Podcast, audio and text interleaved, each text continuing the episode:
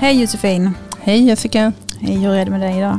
Jo men det är bra tack. Mm, härligt. Mm. Nytt avsnitt med begravningspodden. Precis, och idag ska vi faktiskt, eh, det var inte så länge sedan vi släppte eh, avsnitt 10 om, eh, som vi spelade in tillsammans med Sumaya om, eh, om barn som sörjer med BRIS och, och allt, allt där omkring. Så idag ska vi spinna vidare på det ämnet eh, och prata om barnkonsekvensanalys. Mm. Mm. Precis.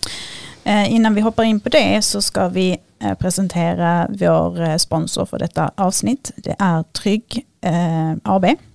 Ett företag som arbetar med säkerhet, kulturvård och tillgänglighet på kyrkogårdar och i kyrkor. Eh, De har arbetat mycket på den danska marknaden men eh, eh, kommer mer och mer in på den svenska. De gör gravstensinventeringar och eh, då säkrar eh, gravstenar enligt CGKs normer för kontroll och säker montering såklart. Vi är väldigt tacksamma för ert eh, sponsring. Ehm, och ehm, ja, då kör vi igång. Vi hälsar Peter Ekman välkommen till begravningspodden. Och så, säger jag tack så mycket. Det var Tack. roligt att få vara med. ja, jätteroligt att ha dig med. Du jobbar på nationell nivå i Uppsala som handläggare för barnrättsfrågor på enheten för forskning och analys om jag är rätt uppdaterad. Ja, det blev en väldigt lång liksom, beskrivning, men det, det är ju... Man kan ju säga att 2012 då så tog ju Svenska kyrkan på nationell nivå ett beslut i kyrkomötet om att man ska genomföra barnkonsekvensanalys i beslut som tas. Och då är det ju så att det är ju väldigt många beslutsfattare kan man ju säga i Svenska kyrkan. Det är väl kanske 35-40 000 som är fördelade på kyrkoråd och stiftsstyrelser och allt sånt här. Eh, och eh, då skulle man då bereda ärenden. Man skulle alltså innan man tar ett beslut få klart för sig vad som var barnets perspektiv i det här och försöka få det beskrivet. Och sen då utifrån det så ska man då fatta de besluten som man fattar. Så att det är inte så att barnen liksom bestämmer vad politiker ska tycka, men det är, man ska i alla fall ta in det perspektivet och innan man går till beslut. Det var grundtanken då i det beslutet från 2012. Mm. Mm. Och då kom du in i det här Ja, jag, arbetet. jag fanns ju redan där då, men jag jobbade med barn och ungdomsfrågor. Men då blev, fick jag liksom en mer, vad ska man säga, en mer eh, specifik uppgift i det här då att, ja, som man säger, implementera då det här beslutet, få det förverkligat Mm. ut bland, om jag sa att det var 35-40 000 förtroendevalda så är det ju kanske då 20 000 anställda. Så vi är ju en väldigt stor organisation på olika nivåer och, Mm. och finns ju liksom över hela landet. Så att då blev det ju mycket information, utbildningar, och den här stora frågan, hur gör man och när ska man göra det? Måste man göra det hela tiden och, och sådär? Och kan man göra på andra sätt? Och, alltså, det fanns jättemycket frågor så att egentligen från 2012 så har vi haft då, vi började med två stycken handböcker som var rätt lika varandra. Sen hade vi en webbutbildning och sen är det en ny handbok som kom 2016. Och sen jobbar jag kontinuerligt liksom med metodstöd och att försöka utveckla sätt då som gör att det här blir möjligt. Och nu har det ju gått, det började gälla då 1 januari 2013, så nu är det ju, det är ju vad blir det, åttonde året då någonting. Då. Mm. Nionde nästan. Mm. Så att, eh, och det är, ju, det är ju spännande och så ser man ju över tid hur sånt här förändras. Sen blev det ju lag också 1 januari 2020. Mm, man tog liksom barnkonventionen och bara inkorporerade den, hela texten, i svensk lagstiftning. Mm. Vilket är då väldigt speciellt att göra på det sättet. Norge har ju gjort det bland annat. Men, men eh, det var ju mycket frågor kring det. Då ställer det nya krav på oss då när det plötsligt blir lag. Liksom. Mm. Mm. Så Maja berättade att det, det, det är ett paradigmskifte på väg och, och sen kan du se det inom Svenska kyrkan också. Jag kan säga att förändringar tar ju tid oavsett om det är Svenska kyrkan eller andra organisationer eller ett samhälle för den delen också. Att man tänker sig att det här är ju, är ju inte bara ett perspektiv som man kan ta in lite när man har lust eller när man känner att barnen nog tycker precis som jag tycker eller sådär. Ni vet hur det kan vara. Utan det är någonting som ska göras och bli en del av ett arbetssätt.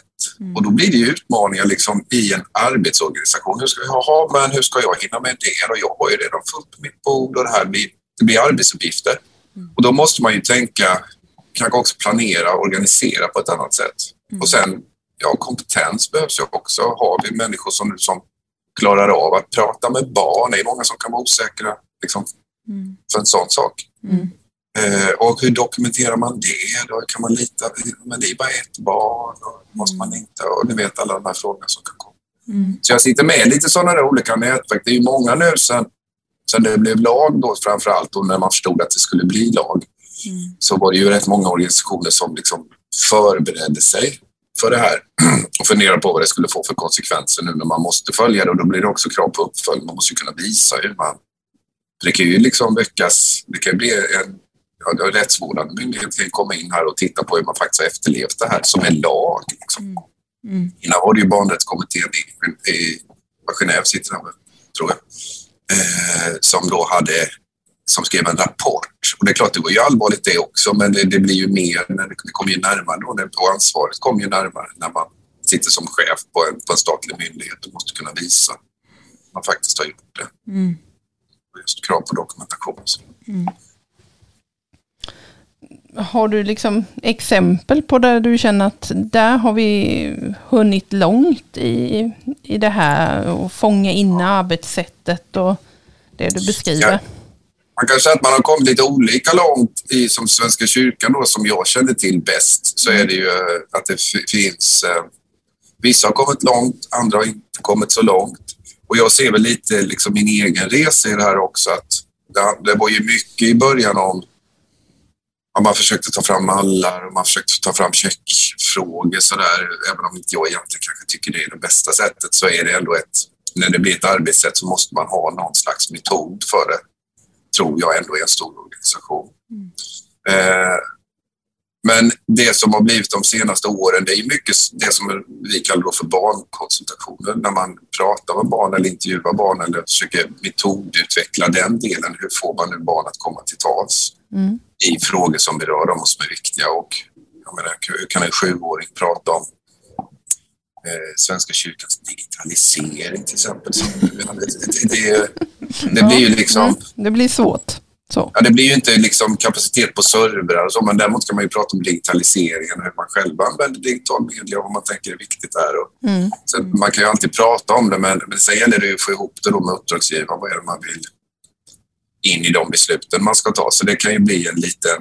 En, en, man behöver ju växla in det där på något vis så att det blir mm. meningsfullt för barn att prata om men också möjligt för barn att prata om men också meningsfullt att ta del av utifrån en hjälp för mig att ta beslut då, som beslutsfattare. Mm. Mm. Men ser du då barnkonsultationer som en, en viktig del som ett underlag i att ta beslut? Eller hur, hur? Ja, men det är ju, det är ju barns röster då är viktigt. Om man gör en rapport kring en fråga, för oftast är det ju så att ja, men vet, ha ett ärende. Nu satt jag jag kan som ett exempel då, ett, eh, som passar väldigt bra, det är i Västerås. Man ska ha eh, en nybyggnation till kring ett krematorium och en kyrkogård.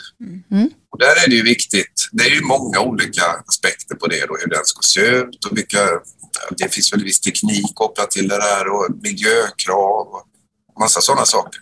Men sen var det ju då med barns röster, hur man gör med det. Eh, om man då ska prata med barn, hur, vad har ni för erfarenhet? Tänker ni kring det här? Och eh, inte minst utifrån om man då besöker gravar, hur det fungerar. Mm. Hittar man?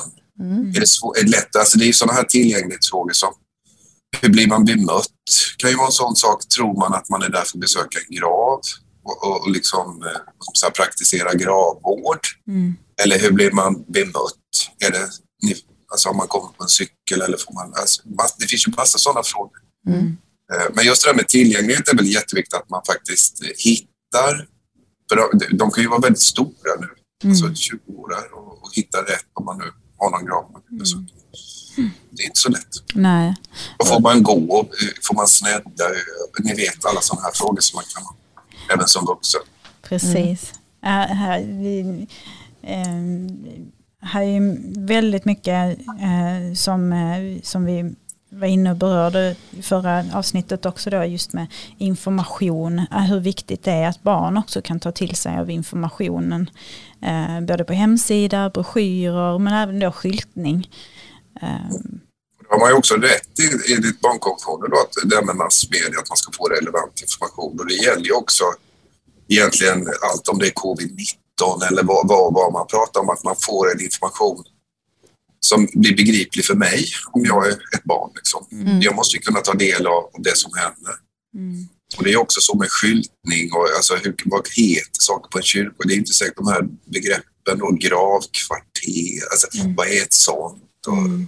mm. Så det finns ju mycket saker som man, skulle, som man nog ganska enkelt kan hjälpa till med. Mm. Som gör att det blir tryggare och bättre för ett barn och enklare för ett barn som vill av olika anledningar komma till ett kyrka. Mm. Du sa att ni var i Västerås sa du där va? Ja, jag var inte i Västerås men det, jag tog del av ett arbete som, mm. som mm. är pågående där. Kan man säga. Ja, Okej, okay. så de är igång och liksom försöker fånga ja, ska, in barns... De, ja, det ska byggas om där någonting va? Och, jag, eh, och då ska man göra en barnkonsekvensanalys då mm. i det. Och det handlar väl om att att man behöver bygga ut den, alltså den är för, för liten den här gravplatsen. Mm. Mm. För jag har ju varit involverad i en del askgravplatser och sådana här saker och då mm. försökt tänka in barnens perspektiv som besökare utav den här gemensamma gravplatsanläggningen. Är det good enough när vi pratar barnkonsekvensanalys eller behöver vi försöka även i små projekt ta in liksom en um, barnkonsultation och liksom träffa barn inte alltid kanske man hinner eller det är möjligt att göra en barnkonsultation. Eh, det, det, det hänger på hur arbetet ser ut, vad man har möjlighet att göra. Liksom. Men mm. Jag tänker att sådana där... Det bästa är ju att, att få barns röst eller att barn får berätta. Det, det tycker jag är liksom, artikel 12, liksom, barns rätt att komma till tals. Alltså det, det är ju det som är eftersträvansvärt. Mm av olika anledningar så går inte det mm. ibland. Mm. Man hinner inte i en stor organisation så, så kan ju besluten gå fort. Eller liksom man, det är ju ganska korta deadlines mm. som man måste reagera snabbt på olika mm. saker som händer. Mm. Mm. Och jag menar om man har, om man säger en, en, när jag gör lite större koncentration, kanske intervjuar 30 barn, tillsammans med, med en grupp då, så gör vi det och då, då kanske det ska bli en rapport och det ska skrivas och tas bilder. Jag jobbar ju också med bilder. Jag tycker det är spännande att få ta bilder mm. och berätta på det sättet. Då kanske det tar en fyra, fem månader. Mm. Och det är klart, då, är, då måste man ju planera väldigt i god tid. Mm. Och det gör vi kanske inte om det inte är stora beslut då, så, som bedöms som särskilt viktiga. Så kanske man anstränger sig lite extra och planerar det. Men ibland är det ju väldigt snabba beslut. Ett ärende kommer in eller det händer något i omvärlden så jag, nu måste vi ta ett beslut mm. hur vi ska göra det här. Då, och då blir det ju svårt att hinna med de här lite längre processerna. Mm. Hur, hur gör du då? Tar du in alla barn i en grupp som man samtalar tillsammans? Nej, det gör jag inte, utan jag brukar ha Helst av allt så är vi ju två som intervjuar, för det, jag tycker det är, det är bra att det är så. Liksom. Mm. Eh, så att man inte blir för mycket slutna rum så där man låser in sig. Utan mm. man är två, så kanske det är två eller tre barn. Då. Det beror lite på dynamiken, men mm. det är oftast enklare för ett barn att, att prata tillsammans med ett annat barn och sen är det ju spännande när de pratar med varandra också. Mm, precis, och det kommer fram det andra tankar ja. kanske när de diskuterar tillsammans. Ja. Mm. Och, och sen är ju barn är väldigt vana vid att, att bli intervjuade snabbare och prata och med mikrofoner. Alltså det, mm. det är vår tid. Liksom. Det, är, mm. det var ju konstigt när jag var barn, mm. typ för hundra år sedan, men mm. på 70-talet, mm. född på slutet av 60-talet, 70-talet, då var det ju, då tyckte man ju det var liksom väldigt konstigt med mikrofoner. Mm. Så, mm. var med TV och sådär. Mm. det var ju dramatik liksom extra då. Ja, men det, det märks ju att de, de blir ju tränade. Mina barn blir ju tränade i förskolan här och liksom ut med paddan och leta QR-koder för att de ska hitta olika grejer. Liksom. Så att de får ju verkligen in tekniken tidigt. Ja, man, man behöver så. inte förklara vad det är man ska, utan det, det ja, jag ska bli intervjuad, jag är sju år, ja självklart. Ja, mm, och det, det är ju väldigt bra. Mm. Eh, sen är ju svårigheten alltid att barn idag har ju så väldigt mycket liksom, så planera, alltså det är så organiserat. Även fritiden är ju väldigt organiserad. Mm. Och, och, i skolan så är det liksom eh, vad ska jag säga, stoffträngsel. Alltså det är för mycket som ska läras ut på för kort tid, säger man ibland från vissa lärarhåll. Att man, man hinner liksom inte ta in extra grejer, att nu kommer någon och besöker och ska prata lite grann. Och det hinner man liksom inte med. Det, det blir så slimmat. Mm. Men, att, eh, men är, det, är det i deras eh, hemmiljö som du träffar barnen? Nej, utan jag träffar dem jag, som jag tycker fungerar bäst för oss. Och vi är ju, då är det ju så fantastiskt att Svenska kyrkan är väl kanske Sveriges största barn och ungdomsorganisation kan man mm. säga också. Man räknar antalet möten som vi har med barn och ungdomar, vi är väldigt stora. Så vi har ju barn liksom i organisationen så man kan ju oftast då besöka en grupp, om en konfirmandgrupp eller någon annan ja, barngrupp. Eller, mm. Och, då, då, och det är ju väldigt, det underlättar ju väldigt mycket. Jag pratade ju ibland med Socialstyrelsen till exempel. De har ju ingen barn och ungdomsorganisation. Eller, nej, det finns ju inget sånt kopplat mm. till dem. Liksom. Eh, och då blir det ju, då måste man in i befintlig verksamhet och då är det ju skolan kanske eller mm. de har väl HBB-hem och lite sånt där. Men, mm. eh, och det, det gör att det blir ju väldigt mycket svårare för dem att, att, att överhuvudtaget träffa barn. Mm. Eh, för det är klart, en lärare i en skola, om man tänker man har planerat en termin, att ja, nu ska vi ha två gånger här på den här lektionen. Alltså, mm. Det är svårt att få in saker. Mm.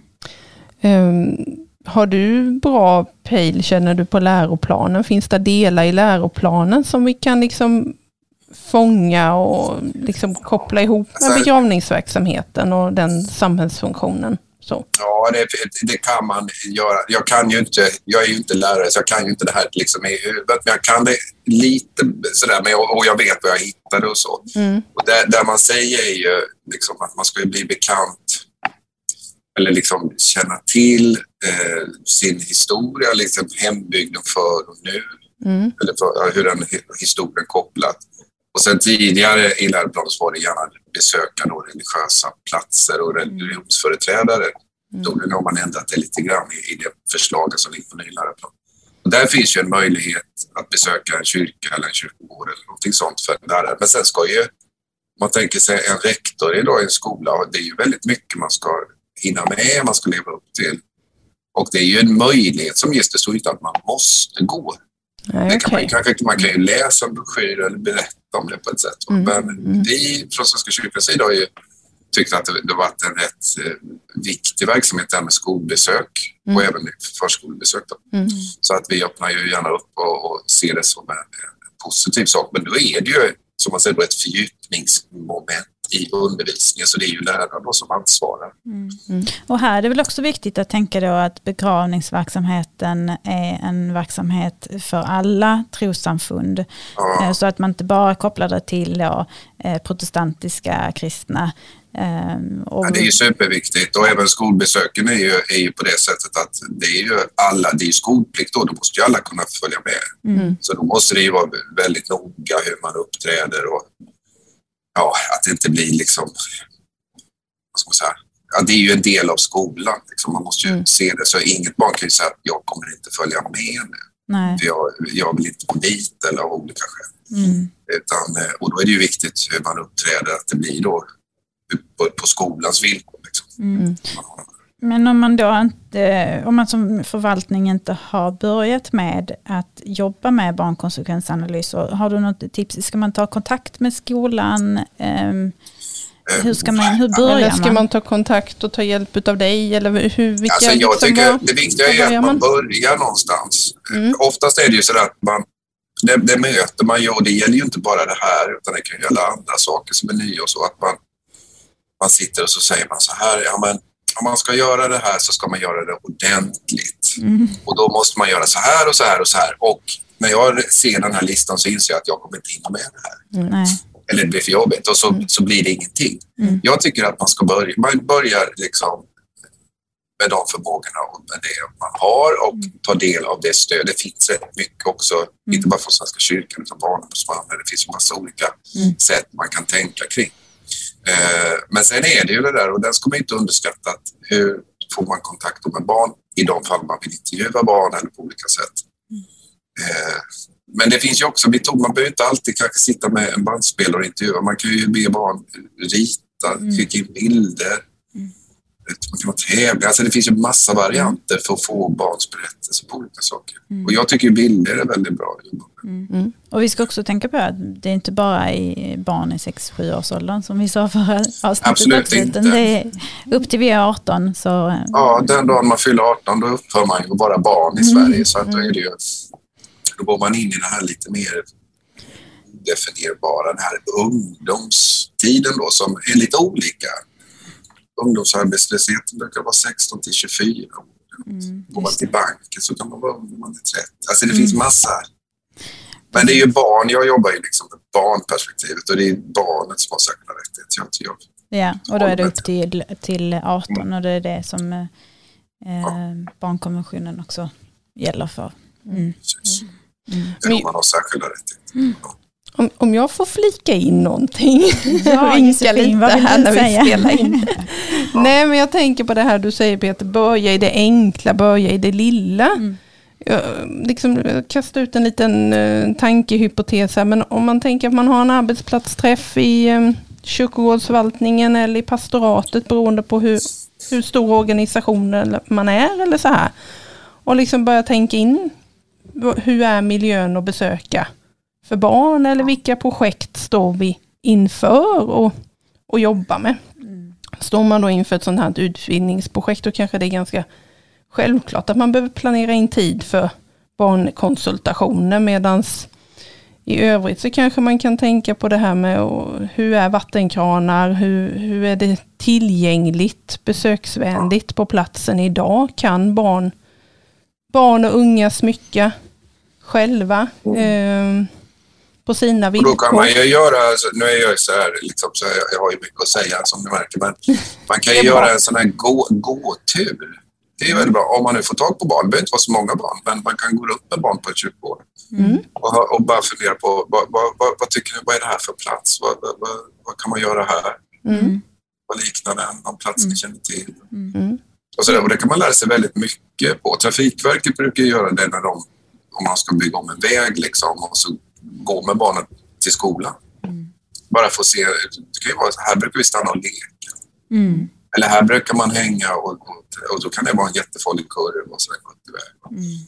Så då kan man få lite bild av hur, inte bara det ser ut på pappret utan hur det blir i, i, i verkligheten eller hur man upplever en plats. Och det kan man ju säga att det gör ju vi också på sätt och vis. Man tänker där man bor, om man ser en planritning. Man sitter på Hemnet. Liksom. Mm. Så kan man säga, ja men här, ja, just det, ett rum där, ett rum där. Men hur är det att bo där? Och vad, vad, vad blir det en naturlig plats att vara på för mig? Och sådana saker. Och det kan man ju få med när man går, går runt med barn. Mm. Om man då har den möjligheten. Mm. Bjuda in barn till, en- till en Ja, gåturen tycker jag är jättebra. Alltså, Mm. den är, den Och då är, lite i olika åldrar vid olika tillfällen. absolut. kanske. absolut. Mm. Mm. Det tycker jag ju är... Vi ska inte glömma bort, nu, nu brukar det ju vara så att ju yngre barnen är, ju mer underrepresenterade är man ju. Liksom. Det är lättare när man, om man säger om jag intervjuar konfirmander, då kan vi ju prata, behöver man ju inte kanske någon särskild metod, då kan man ju ställa frågor. Vad tycker Mm. du? Mm, Eller Precis. Mm. vad har du för... Men om det är yngre barn då så då måste man ju tänka på det och de har ju också rätt liksom, att komma till tals. Då kanske man måste vara lite klurigare i metodval och förbereda dem på ett annat sätt. Mm. Eh, och kanske göra om frågorna så att det blir någonting som man faktiskt kan prata om. Mm. Ja. Och, och inga, eh, gärna öppna frågor då så att de, så man inte Absolut, lägger alltså orden öppna frågor. Mm. Nej, men precis. Men sen blir det ju alltid som man skriver en rapport att det blir någon slags tolkning och där, där får man ju stå. Alltså det blir så Mm. att den som gör rapporten så får ju, vi brukar vara ibland då en redaktion som sitter. För ibland förstår man ju inte vad barnen sagt. Nej. Man, man förstår att det var viktigt och men liksom, vad betyder det? Mm. Och så får man då sitta runt ett bord och då kan det ju vara så att om vi tre skulle sitta att vi kanske har lite olika bilder och Mm. utifrån egen erfarenhet och sådär. Vad vi kan.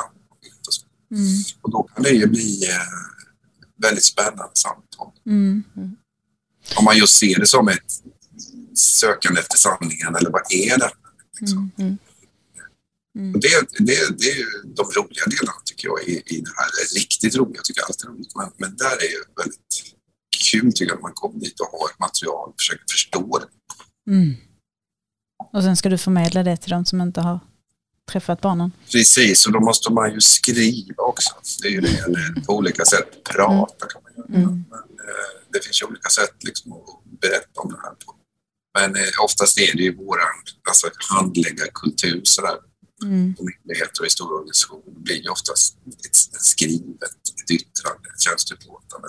Jag funderade på det, har du något exempel som du känner att eh, här har vi liksom gått igenom hela den här processen, här, här är som du känner Alltså, passar har in i gjort- detta? Jag har gjort lite eh, olika, jag kan berätta lite grann, liksom olika sätt att jobba på. Eh, Jag var i Botkyrka för några år sedan Mm. och jobbade med den församlingen och då var det här med otrygghet och trygghet var ett tema man ville jobba med. Eh, Och då fick barn gå ut med sina mobilkameror och det är ju, nu har ju de allra, allra flesta barn har ju någon form av teknisk, alltså mobil och så, så det bruk, brukar fungera. Och då fick de ta bilder eh, på eh, otrygga platser och trygga platser i Botkyrka kommun. Och så fick de skriva någon mening varför de var trygga eller varför det var tryggt. Det var bara en mening. Liksom. Mm. Lite så här Snapchat, liksom, snabbt. Eh, och det blev ju, gick ju väldigt smidigt att göra det. För då fick man ju väldigt snabbt bilder på, på, på trygga och otrygga platser och små mikroberättelser då, eller bara en mening egentligen. Mm. Varför just, eh, ja här har jag hört att man kan bli rånad liksom, och sen en bild på en gång och cykeltunnel. Eller här kör bilarna för fort en bil på väg. Liksom. Så det blev ju väldigt, det blev också väldigt konkret om man tänker, för det var ett samarbete tror jag där mellan Svenska kyrkan och kommunen. Man ville liksom samverka för att skapa ett bra Botkyrka för alla. Mm. Och då kunde man ju faktiskt titta, ja men här är det ju en lampor som behövs, eller här behöver man ja, bemanna, ha en vaktboll. Alltså, det fanns ju massa olika saker som kom ut ur det där. Mm. Väldigt konkret, för det, just, men det är den platsen. Alla vi vet att det är det där torget och det är den hörnan. Liksom. Hur många barn var med i den? Det var också runt, tror det var 35 eller så, 30 Mm. barn som tog bilder så fick de ta varsin bild. Mm. Och deltog i många bilder. Så. Mm. in. Så det går ju rätt fort att ta en bild och skriva en mening. Mm. Jag har också hört att barn som får lov att vara med och ungdomar ska man ju säga då, som får vara med och påverka sin omgivning blir mer rädd om sin omgivning. Att man tar, tar mer hand om den så att säga. Eh, och, och det gynnar ju oss. Ja, det är väl jättebra om man Mm. känner ansvar liksom utanför sig själv och sådär.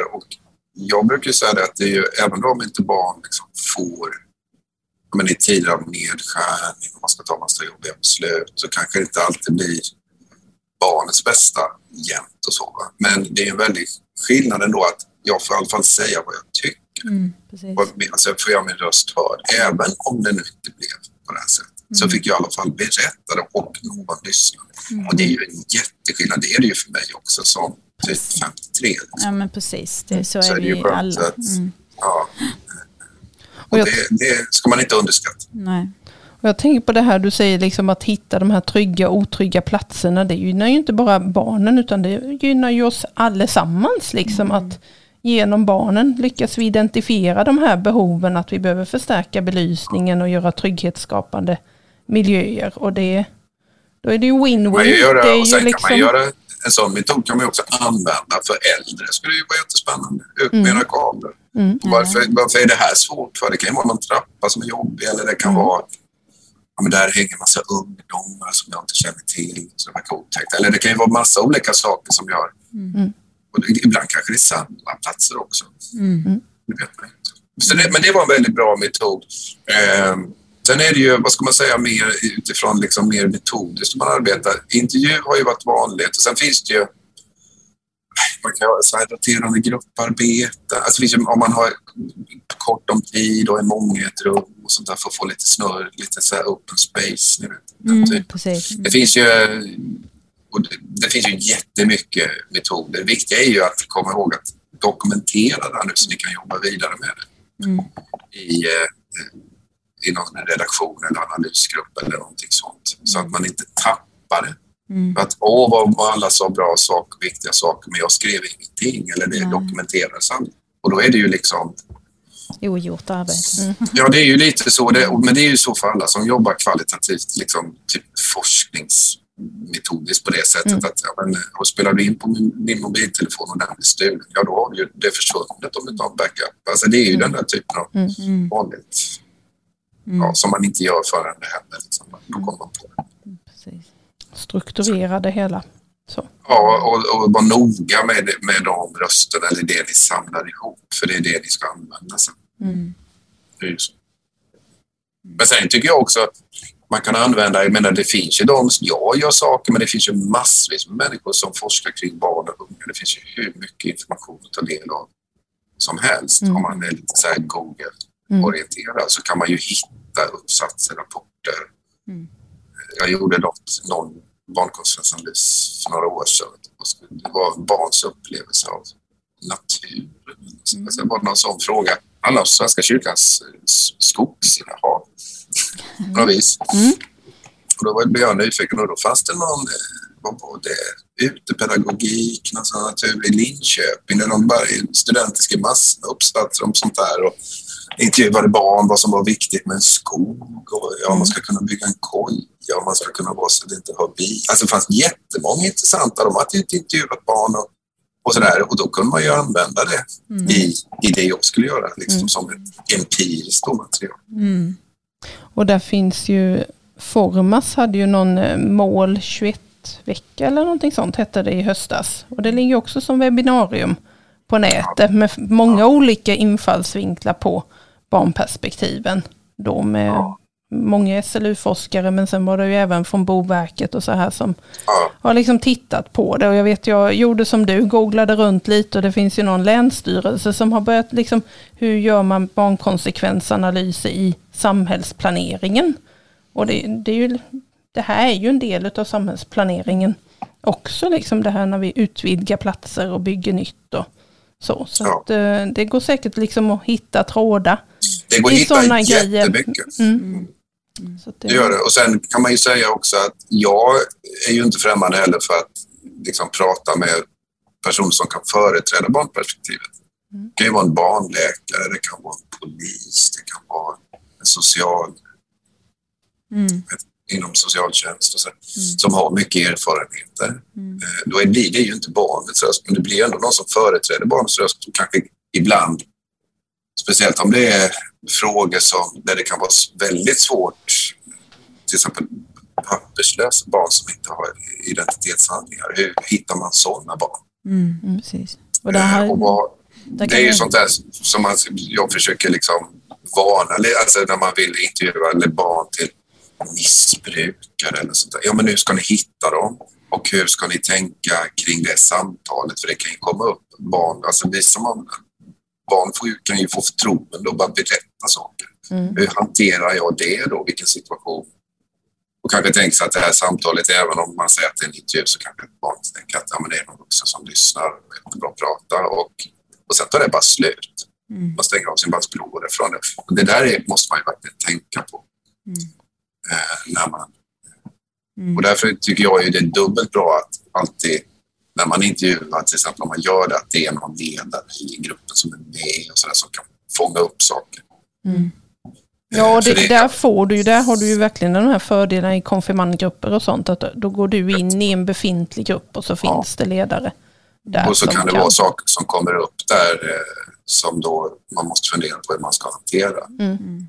Och så har ju lite, när jag har haft studiebesök från skolor och sånt, då har man ju alltid lärarna med, mig, med sig och då vet man att de har både förberett lite och de kan ju fånga grejer om det kommer sen i klassen. Liksom. Och likadant kan de ju, de känner ju sina elever och vet om någon har nyligen gått igenom ett dödsfall eller någonting, så de kan ju liksom parera gruppen ja. på ett bra sätt. Så. Ja, det är just den där efterbearbetningen, den hinner mm. man ju kanske inte med då. Nej. När man är en sån här extern figur som kommer in bara.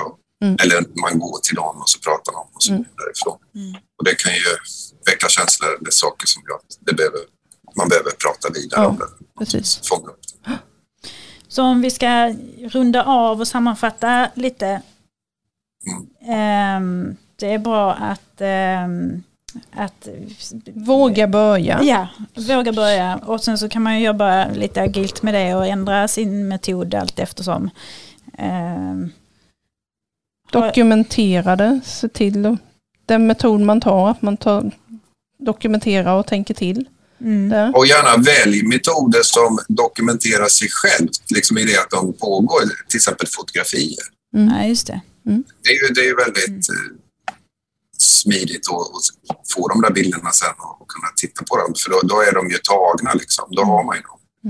Och det är väldigt Eh. modernt sätt att eh, in- inspirera alla åldrar liksom av barnen. Eh, att ta bilder. Mm. Något annat där Peter du tänker på kring Svenska kyrkans handbok i barnkonsekvensanalysarbete och Ja, inte annat än att det är ju, vi försöker ju liksom utveckla den och utveckla stödet hela tiden och det går ju lite grann i vågor för, för nu har vi ju hållit på, ja, inte tio år men så åtta, nio år. Så det är klart det blir lite olika faser, en del har kommit lite olika långt i detta så säga, omställningsarbetet. Mm. Men, eh, men det viktiga är ju Alltså, och det beror väl på lite hur man är, men jag tycker att det är väl egentligen först när man gör någonting som man lär sig det, liksom lite learning by doing. Mm. sitt inte och vänta tills ni är helt färdigtänkta, utan våga. Men se till bara så att ni är rädda om de barnen ni träffar. Så ni inte, Mm. Det ska inte bli en obehaglig situation för ett barn att vara med i en barnkonsultation, utan snarare en positiv sak. Ja, precis. Mm. Så där får där man måste läsa man på vara lite. klar. Ja, precis. Men metodval och sånt får man väl se hur det fungerar. Oj, det blev så nu och det blev inte så bra sen när vi ska göra på, på det här om man har en fyra hörnövning till exempel. Mm. Vet man ju sådär. Att hur, hur ska vi dokumentera den? Bild på några barn. Som, vad säger den bilden? Ja, Mm. det kanske inte säger så mycket. Nej. Alltså, förstår, alltså, men det var en väldigt bra övning i rummet och den gav jättemycket information men vi kunde inte fånga upp den. Mm. Mm. Jag, jag em, tänkte på det när du sa open space, eh, Mm. sättet att jobba, att man eh, konfererar och går till de eh, ämnen som man tycker är intressanta eh, och att det blir mer ett, ett kaffe, eh, kaffekoppssamtal i princip. Eh, och jag har varit med ett par gånger på, på sådana konferenser och de har ju varit väldigt eh, man får, får ut väldigt mycket av dem. Och jag kan tänka mig att det passar barn bra. Ja, jag tycker alla använd, alla, var kreativa, använd alla möjliga metoder. Se Mm. till bara så att det blir dokumenterat så ni kan använda er av det sen Mm. när, det, när det ska skrivas. Men Mm. eh, där är, tycker man ska verkligen pröva vad som... Och det är olika grupper, till exempel yngre, alltså yngre barn. Alltså, gör den här gåturen, den tycker jag är Mm. väldigt intressant. Liksom, för då ser man ju, ja, här, en kyrkbänk, hur de fungerar. Oj, här var det svårt att öppna. Eller här vet barn inte riktigt hur de ska gå. Mm.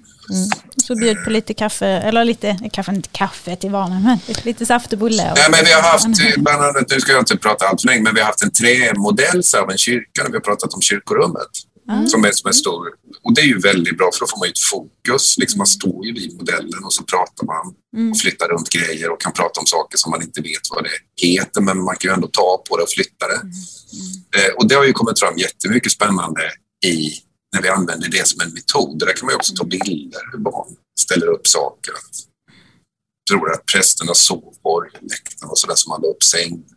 För de trodde att prästerna, en del barn trodde att prästerna bodde i kyrkan. Ja, Ja, okej. Mm. Och det är ju inte så konstigt, det är ju alltid en präst när jag kommer. precis. Och man får liksom vara lite försiktig när man går in och, och sådär. Och då var det ju yngre barn då. Men där, där kan man ju se att det är klart, om man det som utgångspunkt och den vetskapen blir det ju lite annorlunda när man tar emot en barngrupp. Att några kanske tänker att jag bor här hela tiden och jag har det där lilla rummet liksom innanför predikstolen, sakristian. Så. så det är ju väldigt... Ja, man, man, man, det kommer ju upp saker som är väldigt spännande egentligen. Fundera kring vad det får för konsekvenser sen. Till exempel i en begravningsgudstjänst. exempel, Hur, man, hur, ett barn kan tänka kring om man tror att prästen bor i kyrkan. Ja. Mm. Det blir ju lite annorlunda samspel då kanske. Sen tänker jag att vi har ju liksom, på många ställen har vi väldigt mycket maskiner. Så att där kan det ju intressera de teknikintresserade barnen när det är gåturer och grejer. Så, så att det kan ju Ja, liksom bli ett spännande studiebesök på det viset också. Det, Absolut. både miljöerna och de bitarna. Ja. Ja, Nej, det finns ju jättemycket. Man kan följa naturens olika årstider och blommor och träd och allt. Mm. Det, är, det finns massor. Ja, men alltså hela tiden se vad, vad är det man kan för, att- vad är det man kan göra här. Liksom. Mm. Jag gjorde det här i, var i Nacka. Mm. Då var det ett barn som kanske var precis börjat gå. Liksom. Mm. Då har man ju sån här knäfalls, där man kan falla på knä vid altaret. Mm. Den är bara väldigt bra för det här barnet att sätta sig på.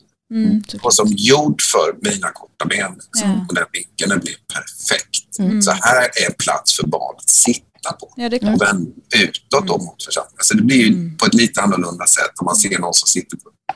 Så att det, det, ja, det finns ju massa saker i det där som man, man bör eller kan ta in och som kan berika en som vuxen också. Mm. Och vårt arbete blir roligare om vi inkluderar barnen tror jag. ja, jag tycker det. Mm. Jag tycker det är jättekul att lyssna på barn. Härligt. Jag tror vi får runda av Peter. Yes. Vi får tacka så jättemycket för ditt deltagande. Tack för det. Vad Eh, roligt att vara med. Supertack. Det är väldigt givande. Så. Tack, tack. Så tackar vi eh, Trygg AB som sponsrat detta avsnitt. Tusen tack. Eh, och tack Josefin. Ja, tack Jessica. Hej.